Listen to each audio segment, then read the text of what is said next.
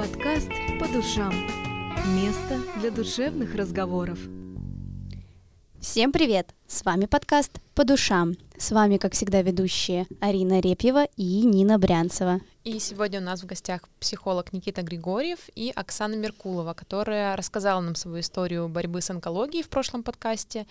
И сегодня мы поговорим о том, как психологи могут помочь вот в данной борьбе с таким страшным диагнозом э, и как этот диагноз дальше может повлиять на последующую жизнь. Да, потому что важно понимать, что одно дело, когда ты борешься э, с каким-то диагнозом, и важно понимать, что дальше делать, когда ты уже сталкиваешься с реальной жизнью после того, как ты прожил э, невероятно сложный диагноз и невероятно тяжелый вот этот период, а, потому что чаще всего накрывает, наверное, вот после, когда ты уже э, осознаешь, что произошло и а как, как ты вообще это прошел через это. То есть тут такие важные моменты, и Сегодня мы попробуем это объяснить. И Оксана, у Оксаны будут какие-то вопросы, Никита нам э, расскажет это все со стороны психологии, как он, э, как он как профессионал, как он может помочь таким людям, которые столкнулись с э, какими-то последствиями своей жизни. Вот. Тогда начнем. Поехали. Ну вот будет да? здорово, если Оксана, наверное, в двух предложениях буквально напомнит нам свою историю для тех, кто не, ску- не слушал предыдущий подкаст. Вот. А Никита потом расскажет вот о своем каком-то опыте, может быть, с подобными случаями. Отлично, всем привет еще раз.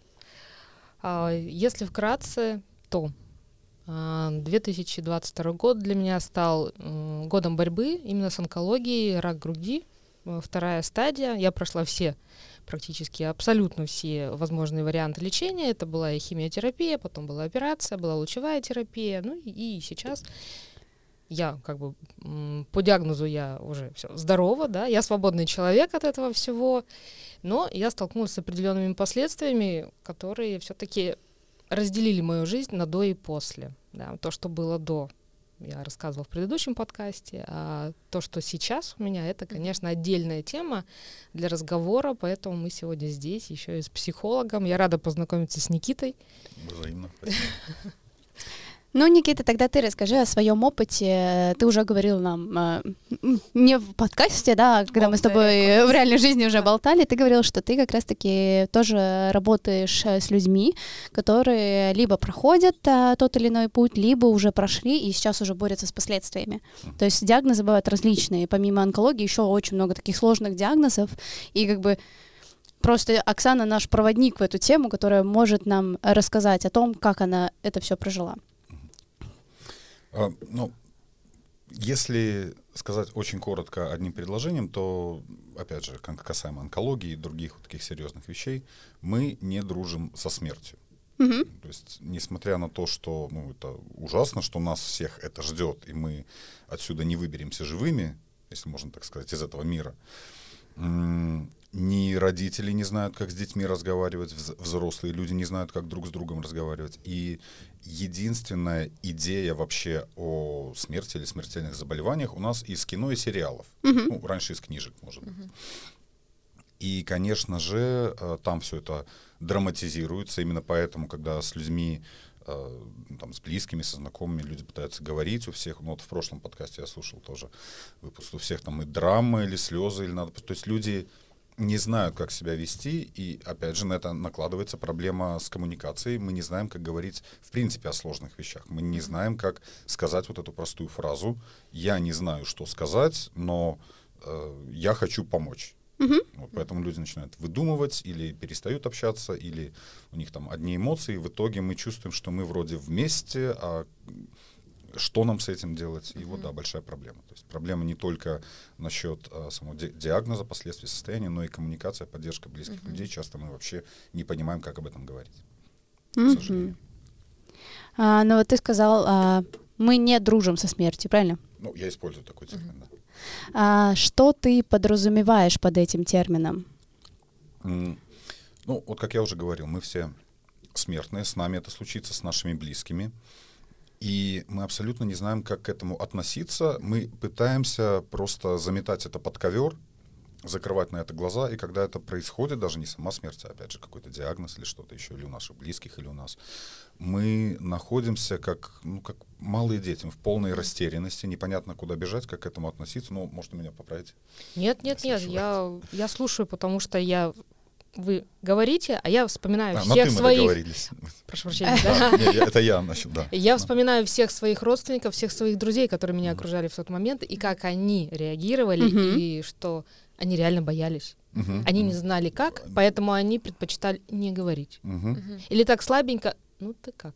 Мгм. И Всё. вот тогда и мне не понятно, мне говорить об этом или Да, не может Да, говорить. ты, неудобно. ты можешь это Мгм. слушать, ты хочешь это выслушать, или л- ты просто для галочки, потому что ты боишься. Вот Тогда да, лучше не спрашивать. Чаще всего мы боимся именно этих тем, потому что непонятно, что с этим делать. Вот. И да, это проблема, именно столкнувшись с этим, люди а, сталкиваются с необходимостью об этом говорить, что-то решать, там, не знаю, искать ту же ин- информацию в сети и относиться к этому более практично. И вот, на мой взгляд, именно когда мы относимся к этому более практично, а не эмоционально, это и дает нам чувство, что жизнь не закончилась, она продолжается. Это просто часть жизни, и это не значит, что поставлена точка. Это просто часть жизни, которую нужно пережить, может быть, где-то изменить свою жизнь, и с некоторыми изменениями это все еще может быть полноценная жизнь. Потому что если провалиться в эти эмоции, отсутствие поддержки, потому что непонятно, как об, э- об этом говорить, то сама болезнь занимает все пространство жизни. Человек ходит вот с этим, Мгм. что там карма, приговор. И опять же, вот мелько говорили раньше, что это становится легкой, такие люди становятся легкой добычей для ну, тех самых ребят, которые там и кармы чистят, и прорабатывают Мгм. карму родителей, да. что там Да, только да, не да, придумывают. Ты сталкивалась с таким? Нет, слава богу, я не сталкивалась, потому что, ну, атеист и прочее, если это объяснено наукой, да, я в это верю. Но это, опять же, мой выбор. Мгм. Да, ка- каждому Конечно, помогают да, свои конечно. какие-то Да, и, вещи. и вот эта вот призма, смотреть через эту призму на мир, да, мне многое как бы проще воспринимать. Да, я, я реально не смотрю на это как это карма. Я и не смотрела на это. Хотя Мгм. были люди, которые пытались мне вот в эту Да, да, да, сторону да, да. меня Мгм. толкнуть. За, за что вам это? Да ни Мгм. за что. Мгм. Так получилось. Да, мне э, я одно время вот начал интересоваться, когда начал вот работать э, психологом, тоже приходили люди или родственник умер, или у них какой-то диаг- диагноз, что-то еще, и я начал активно вообще искать информацию, ну такую практичную, и насчет онкологии и так далее. Мне очень понравилась э, фраза одного медика, не помню уже кто, но по сути это звучало так, что э, это не, вот многие относятся к этому как лотерея, повезло, не повезло. На самом деле это скорее как-то final destination, то есть направление. Мгм. И фраза звучала так, что если мы раньше умирали от инфаркта, еще раньше от хищников, то есть вот, э, 10 тысяч лет назад средняя продолжительность жизни там ну, 30 лет в лучшем случае, Мгм. потому что и болезни, и хищники там от банального от родов или от аппендицита можно было Мгм. умереть, потому что не понимали, что оказывается там заражение какое-то можно занести, руки не мыли доктора. М, Рассказывал недавно про Земельвайса, есть такой дядечка. Ну, ладно.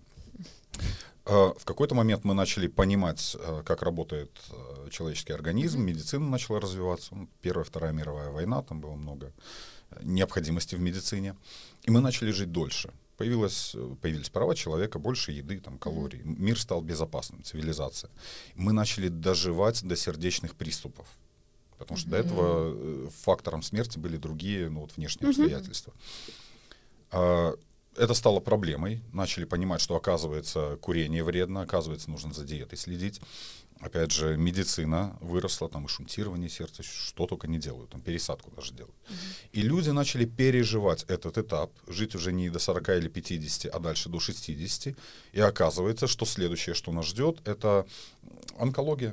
То есть, по сути, клетки, э, ну как, наше взросление, старение, это клетки копируют друг друга. Клетка умирает, и создается копия клетки.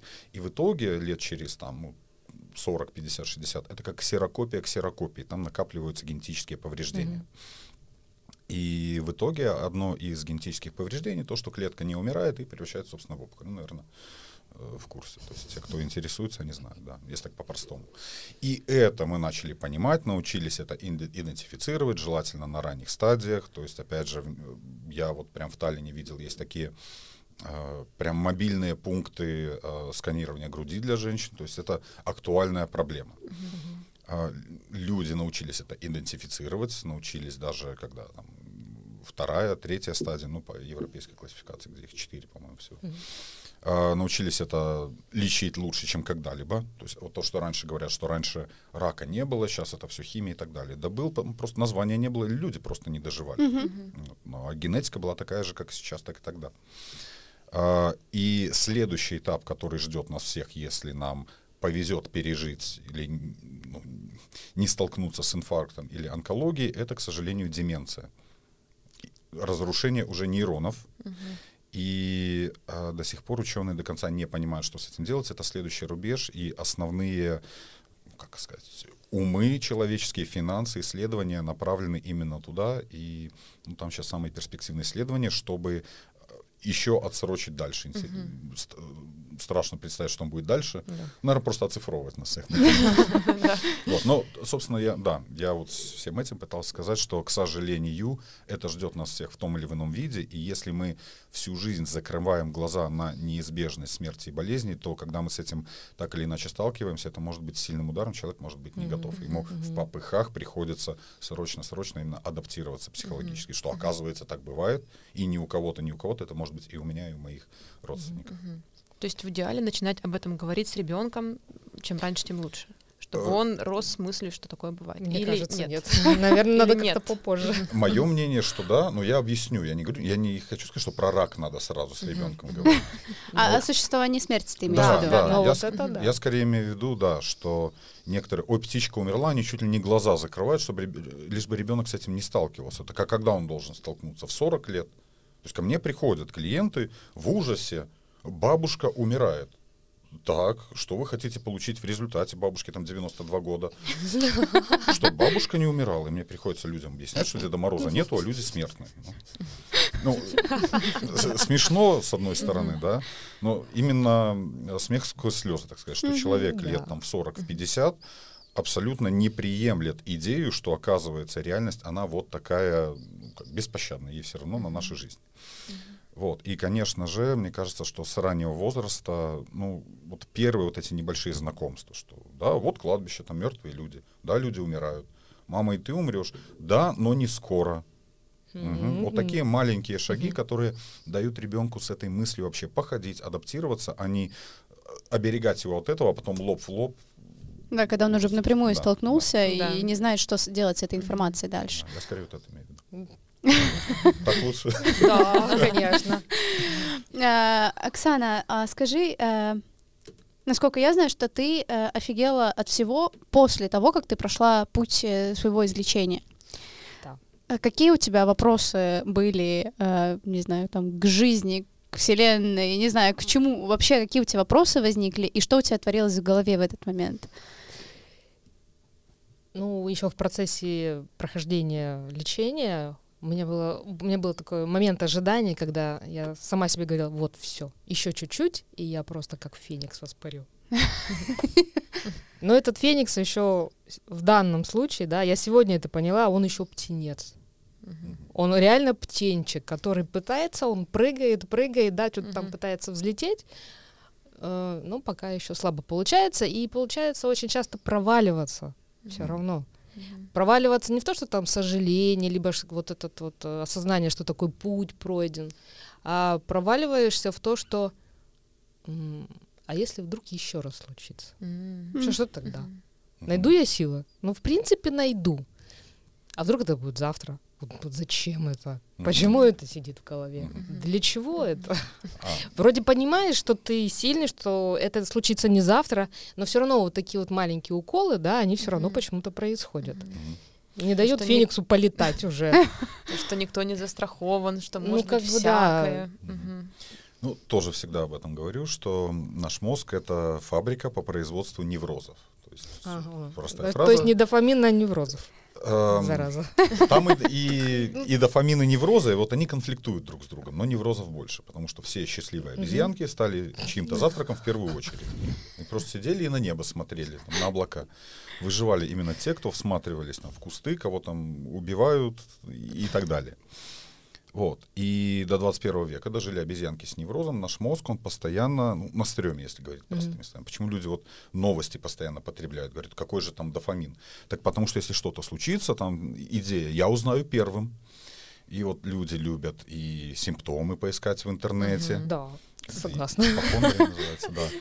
Мы поищем, что если что, я буду в курсе. Но в итоге мы бомбардируем мозг этой информацией, у него кусок, вот эта реальность состоит из кусочков пазла, что может пойти не так. Мгм. Вот. То есть выживали именно те, кто на всякий случай любую мелочь преувеличивали. Выживали те, кому мозг автоматически подкидывал вопросы «а что если?», потому что если что-то происходило, они хотя бы теоретически были уже подготовлены. Но в 21 веке, когда в мире нету так много реальных опасностей, как было раньше, всю историю человечества, вся эта ментальная энергия, которая должна тратиться как раз на выживание, на решение задач, она уходит на создание этой Санта-Барбары из ничего. Вот эти вот «а что если?», вот эти невидимые опасности. А что если Евребор? А что если война? Что если рак? А что, ну, инопланетяне можно придумать. Ну, что угодно. Ам, да, то есть, к сожалению, это нормальная функция нашего мозга. Я всегда говорю, Мгм. что идея в том, Хорошо. чтобы этот мозг не отпускать на волю, а браться за руль самостоятельно, потому что если руль отпустить, машинка вроде едет, но что-то врезается. Это отравляет нам жизнь немножко. Вот. И как раз-таки, да, вот э, как в прошлом подкасте шла речь о том, что вот эта идея, что да, оно случилось, я делаю, что могу, не надо в это проваливаться. И про кота, по-моему, шла Да, речь. То есть Есть такое. заняться чем-то, чтобы помимо Мгм. болезней в, э, в жизни были какие-то вещи. Родные, животные, увлечения, хобби. Да, это, может быть, не будет так часто и беззаботно, как раньше, но очень важно или, ну, или не отказываться от этого полностью, или если не было каких-то развлечений, хобби, то активно их искать. Потому что именно а, когда мы заняты какой-то деятельностью, кроме болезни, вот тот самый дофамин и так далее, дает нам те самые внутренние силы. Что, что если я с этим справлюсь, и опять будет та самая жизнь, наполненная теми самыми вещами, которые я люблю. Потому что если ничего другого у меня в жизни нету, у мозга не остается выбора, он скатывается вот в это все плохо, пожалеть, но это уже влияет на наш там, и гормональный фон, и, и в итоге врачи говорят, что там вот нервничать меньше надо. Да, оно напрямую влияет.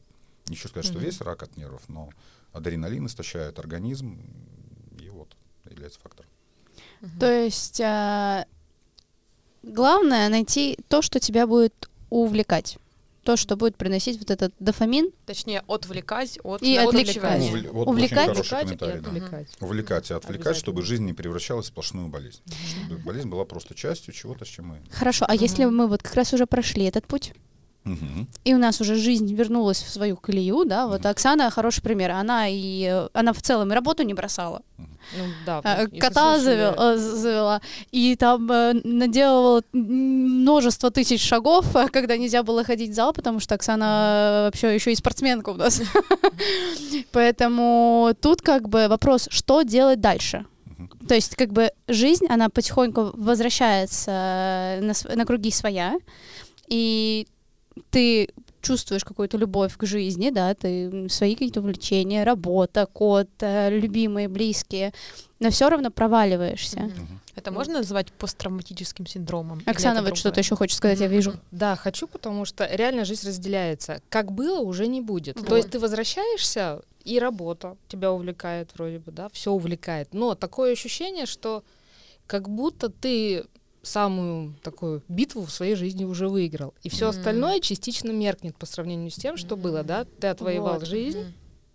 вроде бы все отлично, все хорошо, И но что делать дальше? есть последствия, Мгм. с которыми как-то вот надо вот совладать и жить Мгм. дальше. И вот этот момент ожидания и внимание к этим последствиям, оно отвлекает, ну, как бы забирает на себя энергию. Мгм. Мгм. Вот как вот с этим справиться? Окей, есть э, такой хороший лайфхак прям. А, опять же, он во- вообще насчет тревожности, не только насчет там, болезни чего-то еще, но тут он очень актуален. А, мозгу нужно дать очень подробный, основательный ответ на вопрос «что если?». То есть, чтобы взять его под контроль, если я через это не проходил, то вот эта мысль, что если я не знаю, что там будет, куда мне идти, какая последовательность действий, это может превратиться прям в лавину мыслей. Но идея в том, чтобы сделать этот опыт своим союзником. Вот как только появляется вопрос, что если, хорошая практика, взять тетрадочку, прям ручечку, и начать составлять план. Если это случится завтра, то пункт первый, там, что, к врачу, угу. пункт второй, исследование, пункт третий, и прям поработать над этим планом. Может быть, не за один вечер, может походить с ним там неделю-другую, но чтобы первые шаги были понятны. То есть, чтобы появилось чувство, что на эту работу мы потратили время и усилия. И когда мы на работе, в машине или где-то еще, мозг подсовывает нам вот эту мысль, что если, у нас моментально появляется контраргумент. Так я же об этом, блин, писал уже целую неделю. У mm-hmm. меня четкий план, вот что если.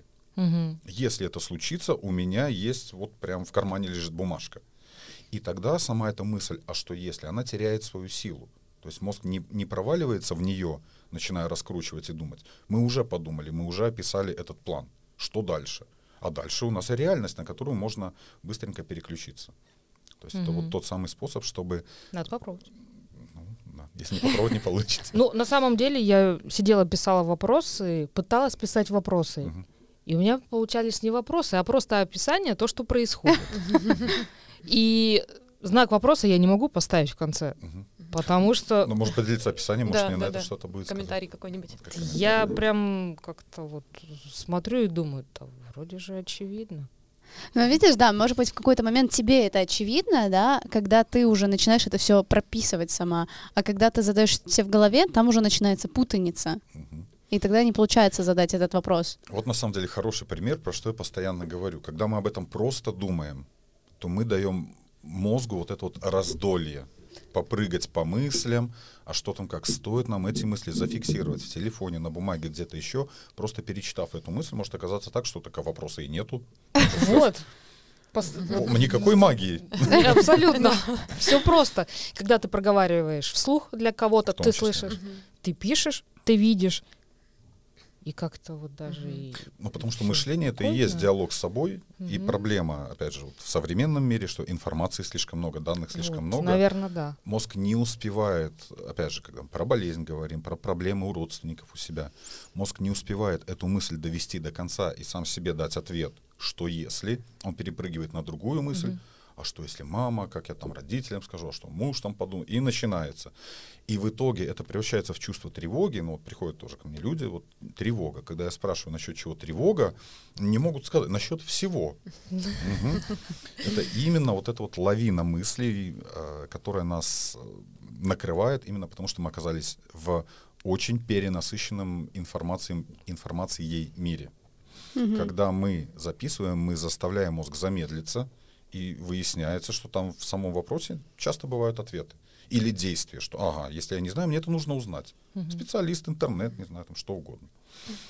Вот. Ну, давай попробуем какой-то... Нет? Ладно. А, нет, тут как-то я смотрю угу. и ну уже с тебе все понятно. Да. Слушай, у меня был такой вопрос. Ты нам на предыдущем подкасте рассказывала, что э, у тебя в какой-то момент был запрос к психологу, и у тебя что-то вот не получилось, как-то вот не, не подошло. А почему так получилось? Ты что тебе не да, подходило? Да, да, да. Да, у меня был запрос э, такой, что, опять же, я позвонила психологу, uh-huh. она спросила, какая ситуация, я вкратце рассказала, да, что вот болезнь была, уже uh-huh. как бы все, да, но я не могу почувствовать вот эту жизнь. Uh-huh. Вот как бы все хорошо, но вот чтобы вау, ну вот так вот вау. Uh-huh. И, а я не хочу. Так, а, да, а я хочу как раньше. Да, да, да, чтобы на И катушку. было немножечко сложно в том плане, что я, наверное, представляла работу психолога как бы с другой стороны, что он будет как-то по-другому со мной общаться, может быть, он будет со мной разговаривать, да. А тут я не могла вообще ничего сказать. У меня был такой паралич, mm-hmm. что как будто взяли за горло и держали все время. Все три сеанса. Ужас. Нет, человек замечательный. Я потом пошла, так скажем, в групповую терапию, mm-hmm. и там, да, там мне стало хорошо, там стало легко, и я стала общаться mm-hmm. с новыми для меня людьми и с этим же человеком тоже. А вот этот тет, mm-hmm. вот ну, нет коннекта. Ну, все ну, разные, никак. всем подходят разные методики, опять же. Кто-то в группе будет сидеть mm-hmm. один на один, сможет выговориться, mm-hmm. и точно так же, ну и специалисты. То есть я всегда говорю, что я не подойду всем подряд. То есть кто-то, как, каким бы хорошим или плохим психолог не был, это насчет контакта. Мгм. То есть может человек почувствовать Согласна. себя комфортно или нет. Поэтому, возможно, я найду себе психолога сегодня. Кажется, мы совершаем магию сегодня. У меня, кстати, сегодня вообще реально с самого утра магия творится. Такой, опять же, вариант. Я приезжаю в Таллин, вчера еще приехала, да. Сегодня утром просыпаюсь, открываю шторки, да. Вид на старый город. Боже, как красиво. А, В интернете тоже, в Инстаграме я общаюсь с тем человеком, который много лет назад для меня был примером для подражания. И э, она в этот момент ну, в Инстаграм сторис выставляет свой путь мастера. Мгм. И я понимаю, что у меня пол компьютера забито ее фотографиями. То есть Ого. тот человек, на которого я хотела быть вот похожим. Да, мне нравился стиль, техника и прочее. Я к этому стремилась, и я ей пишу об этом. И она мне пишет тоже там, большое сочинение о том, что «а я подписана на вас». Но мы с ней год уже общаемся, да, и она на меня подписалась, потому что она мои работы увидела. Они ее тоже в определенный момент вдохновили очень. И у нас вот такой коннект случился сегодня. Она мне кучу комментариев, я ей кучу комментариев, я сижу, у меня слезы, почему я про А. птенчика Феникса и заговорила. Она говорит, Оксана, вы, да, у вас такие стилеты. Ладно, там кто-то не знает, что за ногти, ну, неважно. Что с дизайном связано? Это длинные очень острые ногти, да, ну А, там со вот. всякими интересными дизайнами внутри. И вот он говорит, я таких стилетов не видела. Вы просто богиня, там бла-бла-бла. И я сижу, пью кофе, он мне вот слеза скупает. Прям вот, вот, вот. А я понимаю, что у меня ресницы наклюю сегодня на водорастворимом. Я говорю, Олечка, пожалуйста, хватит, мне нельзя плакать, потому что все отвалится. Я должна красиво прийти на подкаст. И как-то вот настолько было приятно, настолько она вдохновила, настолько она начала вселять уверенность, что я все-таки тот же человек. Да, ну я пока еще не летаю, да, но я вот реально как птенчик подпрыгиваю, да, я стараюсь полететь, да, потихоньку получается. И я жду того момента, когда реально воспарю.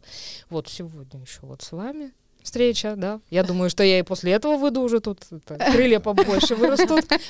Вечером массаж и нужный, необходимый массаж, плюс я еще хожу на энергетический массаж, я думаю, там еще больше крылья Ну, у тебя сегодня вообще замечательный в день. машину влезли, да. Так вот, вот, вот этот сегодняшний понедельник, он стал каким-то вот нереальным, просто шикарным с самого утра, и мне кажется, такие дни, они вот и вдохновляют. Мгм. Новые знакомства, новые люди, да, новые эмоции, и они реально заряжают очень позитивом, и Ой, птенчик. Растет, растет. Я его выращиваю прямо сейчас. И идея в том, чтобы вот такие моменты, мы, мы, в принципе, привыкли отдавать их на волю судьбы, что вот оно случилось. Им, по сути, можно всю жизнь прожить, ожидая каких-то моментов. Мгм. Но Ну когда да. мы понимаем, что в наших руках оказывается огромное количество контроля над своей жизнью. То есть я могу просто просидеть выходные дома, там, уткнувшись в компьютер или в телевизор. Я могу открыть Facebook и посмотреть вкладку «Event ы» Мгм. и пойти на какие-то мероприятия, просто познакомиться с новыми людьми, Мгм. какой-то новый experience, чем-то поделиться. То есть, э, опять же, это касается на самом деле ну, не только э, периода реабилитации, но и, в принципе, многих людей, даже которые через это не прошли. Вот сама жизнь, она, ну, возможностей у нас больше, чем когда-либо. Но именно из-за того, что огромное количество возможностей, нам кажется, что вот оно должно само все произойти. Когда мы понимаем, что оно, ну, если оно и происходит, то это какая-то случайность. И вот опять же страх, что я, вот чего люди боятся, на мой взгляд. Ну, сама смерть это, опять же, есть хорошие новости, что когда мы умрем, нам переживать нечем будет об этом. Вот в смерти страшно, что ты не будешь чувствовать. Когда ты знаешь момент засыпания, особенно под наркозом, Мгм. потому что он контролируемый, да, Мгм. ты не просто там дома лег, да, ночью засыпаешь, ты этот момент не чувствуешь, а под наркозом ты чувствуешь, когда ты засыпаешь. Мгм. И в один момент я поняла, что вот так люди умирают. Именно вот Ну, в наверное, такую по-разному у всех. но- Ну, скорее всего. Не, ну, конечно, там агония это называется. И, чувство, что ну, смерть ты не, пришла. ну ты не помнишь ничего, ты, а как? Ну, Хорошо, я просыпаюсь, я помню это состояние, как я засыпала, а потом же не проснешься, Мгм. если ты умираешь. А как? Ну, А всё что? то- точно так же, как было до нашего рождения. А как? Было вот до. именно. Нам не, Черт, ну непонятно же. нам нечем об этом переживать. То есть идея в том, чтобы понять, что у нас есть, по сути, относительно небольшой отрезок времени, который мы называем наша жизнь. И он будет чем-то наполнен. Если мы, вот то, что я называю, отпустили, отпустили руль и позволили нашей жизни просто происходить, то, может быть, там будут какие-то всплески, эмоции, интересные знакомства. Но выяснится, что их ну, мало. И когда приходит время умирать, а нам всем приходит время умирать, это будет вот то самое большой страх и сожаление, что что-то мы не успели, что-то мы упустили. И в тот момент мы понимаем, что, оказывается, можно было бы по-другому. Можно было бы и подойти познакомиться, и куда-то сходить на концерт там, с друзьями, с ребенком больше времени провести, но все. И именно тот шанс испугаться, что мы можем столкнуться вот с этой пустотой заранее, пока у нас еще есть время, это и становится мотивацией наполнить эту жизнь чем-то, сделать ее более активной, наполнить ее поисками того самого, тех самых эмоций, тех самых ощущений. Вот бы еще хотелось донести Мгм. это и до других. Ну, не до всех, да, а вот именно того человека, который рядом с тобой живет. Это типа Да. муж. Типа да. Ну, типа муж. Тут, тут- тут маленький червячок, который вот живет, вроде бы ты показываешь, да, что ты сильный, ты смелый, ты, ты такое прошел, да, он восхищается, вдохновляется этим, да. Так, а в чем проблема? Не знаю. Вот. И это проблема. Это тоже то, что я имею в виду, когда я говорю, что нужно взять ам, вот свой мозг, свою жизнь под свой контроль. Лично Если по-своему. Всё. Мы за мне других не отвечаем. Да. Если мне что-то не нравится, будь то в партнере, в здоровье, в себе, в будущем, там, в чем угодно, в жизни, я прихожу к специалисту, к психологу, к гадалке, к священнику, к кому угодно. И я говорю, я не знаю, то ну, что специалисту говорить? Не, ну священник найдет, что сказать. Есть целая теория там выстроена. Он знает. Или кто там, гадалки эти. Вот, но и идея именно в том, чтобы понять, что мне нужно, чтобы чувствовать себя хорошо. И когда мы начинаем это про себя понимать, мы можем оглянуться и посмотреть, о, так вот это мне понравится, вот это. И по сути осознанно набирать вот этот позитивный опыт. И, и, кстати, есть лайфхак. Вот мы тоже в Давай, прошлом- мы любим лайфхаки. Очень надо, да, очень нужно. лайфхаки, И мне кажется, это очень, я вот часто про это говорю, это очень простая, элегантная теория, которая, мне кажется, вообще описывает всю нашу жизнь. У меня даже в планах написать книжку, которая так и будет называться «В чем смысл жизни?». Ого! Вот тот самый М. дофамин, про который Ну, я кстати. Мы станем первыми, кто прочитает эту книгу. Возможно. А кто писать-то будет? Каждый из нас. Ну, у меня были планы. Но я могу хотя бы начать. Так вот, идея вот в чем. Что на самом деле э, почувствовать счастье очень легко. Есть всякие вещества, большинство из них запрещено. Если их принять, человек вдруг счастливым становится. Они ходят и деньги за это платят. Наркотики. Ну, вредные наркотики мы не пропагандируем. Да, важно Но заметить. Что они делают? Они, по сути, взламывают то, что встроено уже внутри нас. Они заставляют наш мозг выделить огромные порции дофамина, серотонина, окситоцина, вот этих гормонов счастья.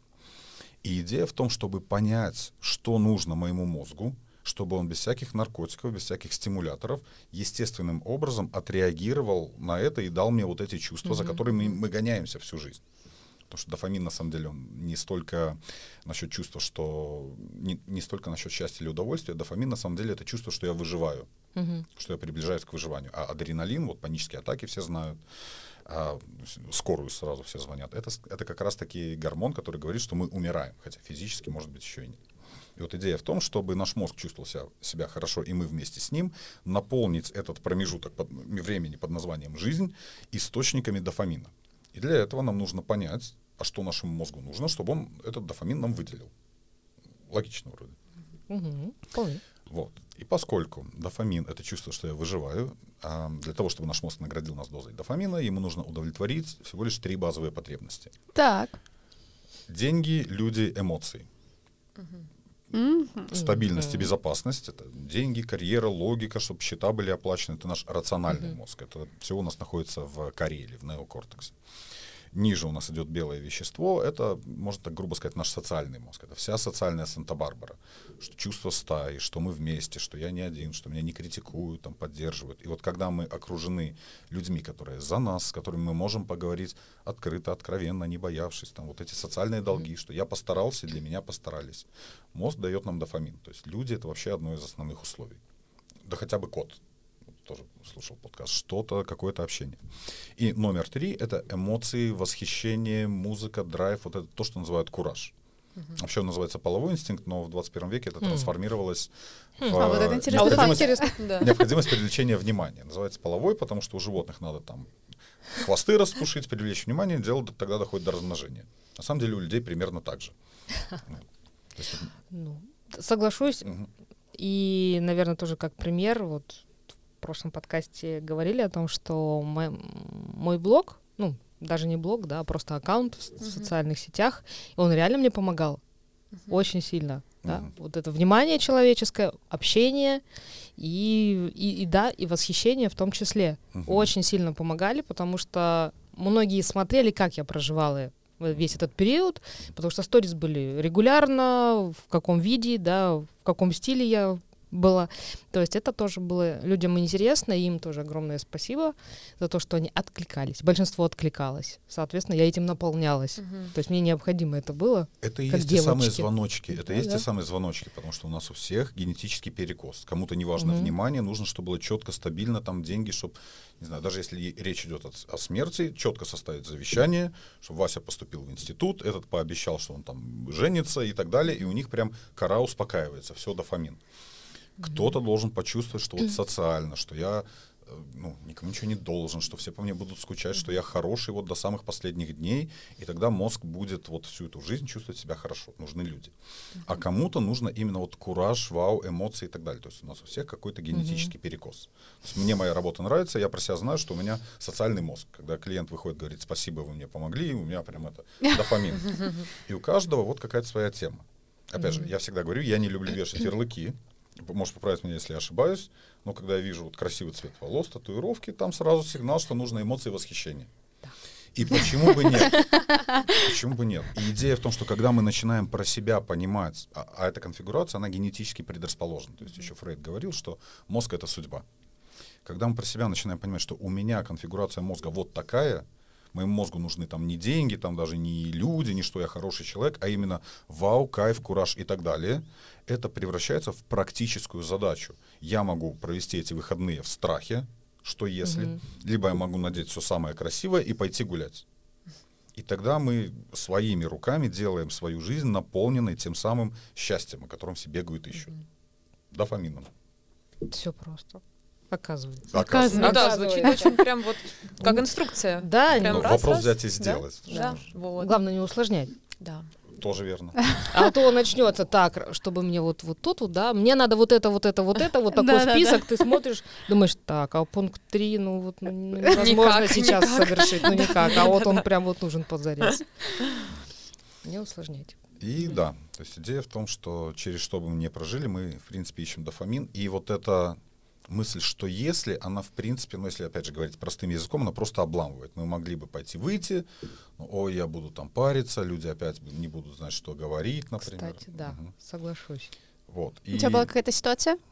А, да, было несколько, когда приглашали, и я сначала думала, да, ну, блин, ну, ну, ну, ну, ну мне будет неудобно. Uh-huh. Да. Ну, вот будут все смотреть, будут что-то спрашивать. Uh-huh. Потом, да ну нафиг, да, ну ей так уже неделю отлежалась. Угу. Все. Угу. Х- хватит тебя. С хлопушкой. Я выжила.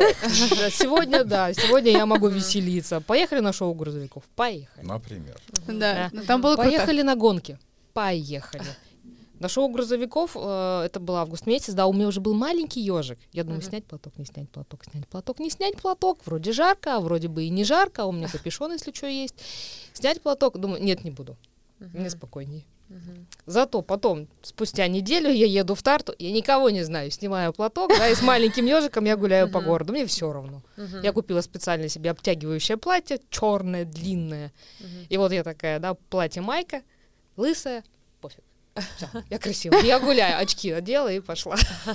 Ну, красотка. Я, конечно, не перестаю тобой восхищаться. Это оно и есть. Мы сами не замечая того, э, если мы так критично посмотрим на свою жизнь, наш мозг заставляет нас искать вот тот самый дофамин. И все, что мы можем сделать, мы можем помочь, осознанно понимая, что раз мне вот это нравится, ну так где я это могу найти? Ну, желательно дешево и безопасно. С минимальными затратами и Ну без последствий.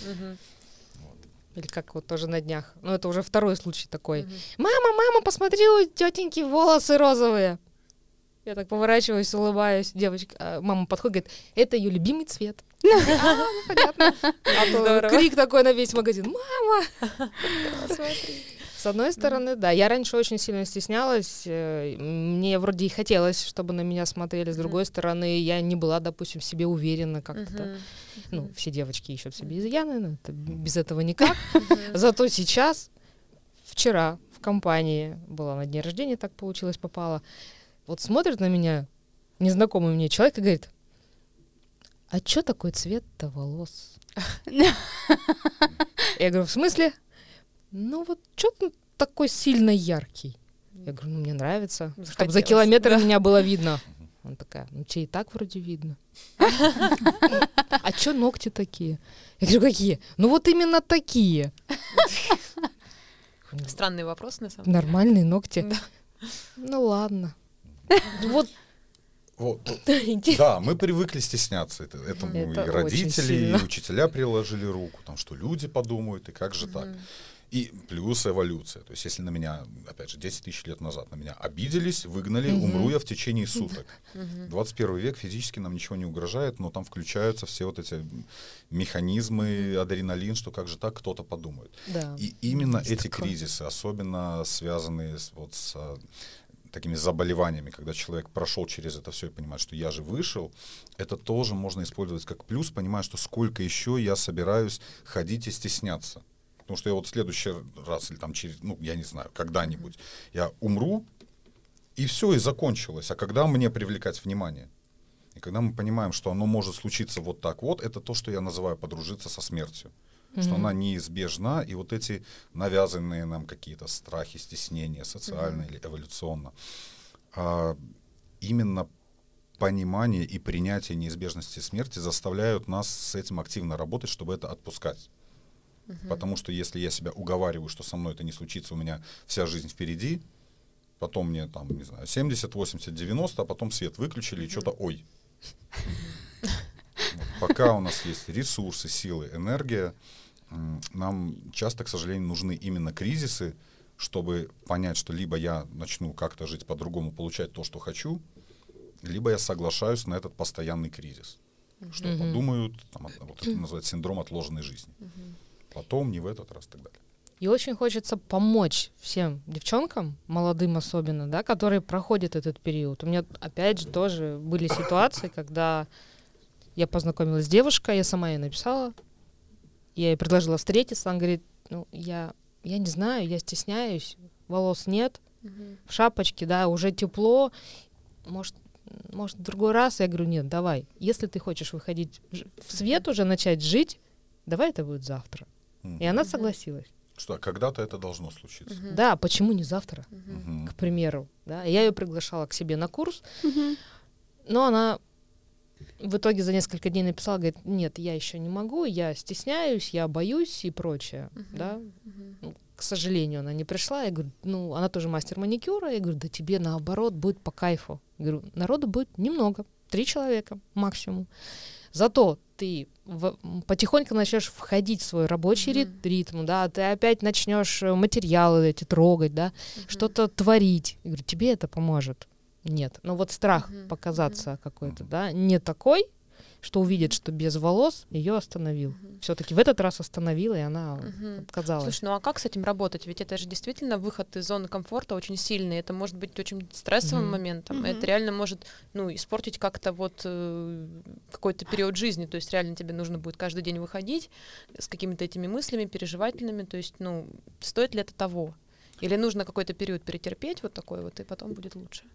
Ам, Это мне вопрос? Да, да, тебе, тебе. Я, Ну, просто из-за стойки не а. вижу. Вот, окей, ну тоже, если мы на это посмотрим именно вот с точки зрения там, работы мозга, как я люблю, что бы мы ни делали, мы инвестируем свое время в какое-то поведение, в какие-то мысли. И если я сижу дома, мне комфортно, мой мозг мне спамит меня этими мыслями, что не надо никуда ходить, мы же там вот что подумают и так далее. И мы взяли и не пошли, посидели в комфорте, а потом опять посидели в комфорте. Еда у нас есть, можно там доставку заказать, безопасность есть, то действительно очень легко застрять вот в таком режиме, потому что мы просто инвестировали достаточное количество времени в такое поведение. И часто способ пробить эту стену это как раз а, не мысли, вот как бы мне так об этом подумать, чтобы мне было не страшно. И это еще одна уловка мозга, так сказать. Вот мы сидим и думаем, мысли там очень страшные, мы такие, ой, нет, точно не сегодня. Вот. И идея как раз в том, что действие — это лекарство от страха. Мгм. Брать и Как- делать. Брать Согласна. и делать. Искать любую помощь, воспольз- по- пользоваться любыми предложениями, возможности, близкие, там, те, кто хотят помочь. Когда мы именно по факту идем и делаем, выходим в люди, там, делаем что-то, что нам непривычно, некомфортно, мы по факту показываем своему мозгу, что Земля не налетела на небесную ось, что там смотрят, не смотрят, меня никто не убил. И Мгм, Да. и действия гораздо громче, чем слова. То есть мозг реагирует на experience, на опыт гораздо лучше, чем на свои мысли. И именно несмотря на мысли пойти и сделать, это ну, гораздо больше перевес на этой ча- чаше весов, вот этой внутренней борьбы с собой. Ну и важно понимать, да, что мы боремся, по сути, с собственным мозгом, который ленивый, у которого в 21 веке все есть. Мы тут джекпот эволюционно выиграли. Замок на двери, еда в холодильнике, и мы его пинаем куда-то ходить, с людьми общаться. Биологически мы заточены, чтобы сидеть в безопасности, не двигаться, потреблять калории и информацию. Вот прям вообще. И в 21 веке мы можем себе это позволить. Вот, закутались в одеяло и там вот Да, это да, да, да, се- есть такое. сериальчик и мороженое. Вот. Если и никто не придет, ни мама не придет, скажет на улицу пора, ни директор, никто. Это наша борьба против себя. Кто победит? Эволюция или мое рациональное понимание, что да, смерть неизбежна, но в течение этого короткого промежутка времени мне нужно получить как можно больше дофамина, желательно без последствий. Мгм. Ну, то есть э, мне вообще кажется важно заметить, что зона нашего комфорта, она все время расширяется э, ну, с нашими действиями. Когда мы куда-то вышли уже, нам кажется, ага, значит, в следующий раз мне уже выйти не страшно будет. Оказывается, так можно Да. было, да. Потом я пошла на курс, первый, да, день. Посмотрела, там, оказывается, тоже не убивают, там все нормально, да, и никто на тебя не смотрит и пальцем не тыкает. Ага, значит, на второй день мне уже будет спокойно пойти, да, там уже еще и девчонки прикольно, оказывается, поболтать о чем ты, ну, э, на свою тему, которую ты, в которой ты шаришь, да, в которой ты уже работал, и, оказывается, это приятно вернуться. А потом она, бац, и, не знаю, там, что-нибудь свое организовала. Это то, что люди называют прям вытаскивать себя. Вот прям брать и вытаскивать себя в общество, в какую-то деятельность, куда-то еще, несмотря на мысли. Мысли это всего лишь мысли, то есть в них нужно не проваливаться. Вообще, мне сегодняшний подкаст прям очень понравился. Мы с Ниной чисто так посидели в сторонке. Понаправляли немножко, Да, да, да, совсем да, чуть-чуть. да. Мне кажется, получился Да. э, невероятный диалог. а, И мысли, которые сегодня были произнесены, а, они применимы в целом ко всем. То есть а, мы сейчас говорили о такой кризисной ситуации, да, но, может быть, этот подкаст станет для кого-то примером, у кого сейчас нет кризиса, но в, како- в- ну, в каком-то ступоре, да, что оказывается это Ну, жи- кризис другого масштаба, скажем Да, так. да. А, И который мож- пока удается заметать под ковер. вот, да, Точно. правильно Никита сказал. То есть э, давайте не забывать, что жизнь, она не бесконечна. Э, И учиться жить сейчас, здесь, не забывать, э, получать этот дофамин, уметь его получать э, экологично, правильно, не используя никаких веществ.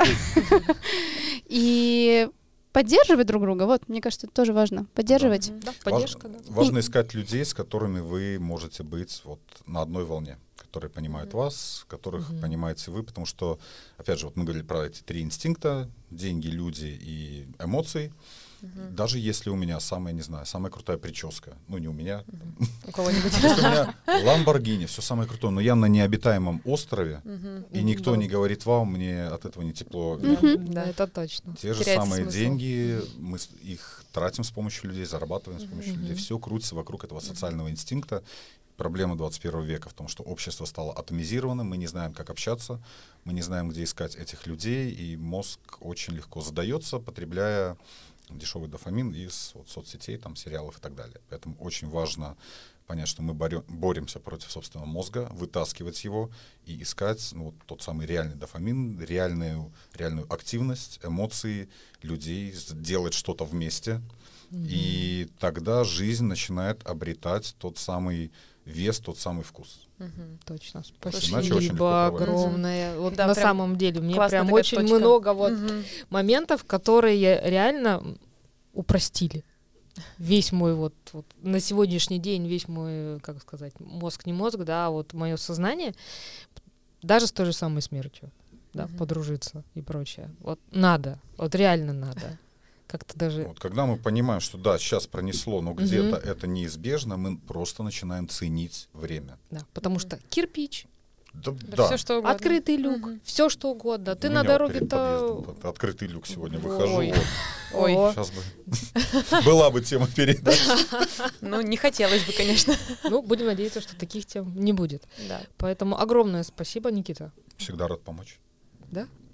А когда у вас первый свободный день? Запись. Ну, а это мы обсудим после подкаста. Да. Чтобы никто не знал, когда свободный день. Спасибо, вся информация. Спасибо большое, что были с нами. А с вами, как всегда, был подкаст по душам. Время для душевных разговоров. И сегодня у нас получился супер душевный разговор, мне кажется. Ну и ждите наших следующих подкастов. С вами, как всегда, Арина Репьева и Нина Брянцева. И у нас в гостях Оксана Меркулова и Никита Григорьев. Спасибо. Спасибо. Спасибо. Подкаст по душам. Место для душевных разговоров.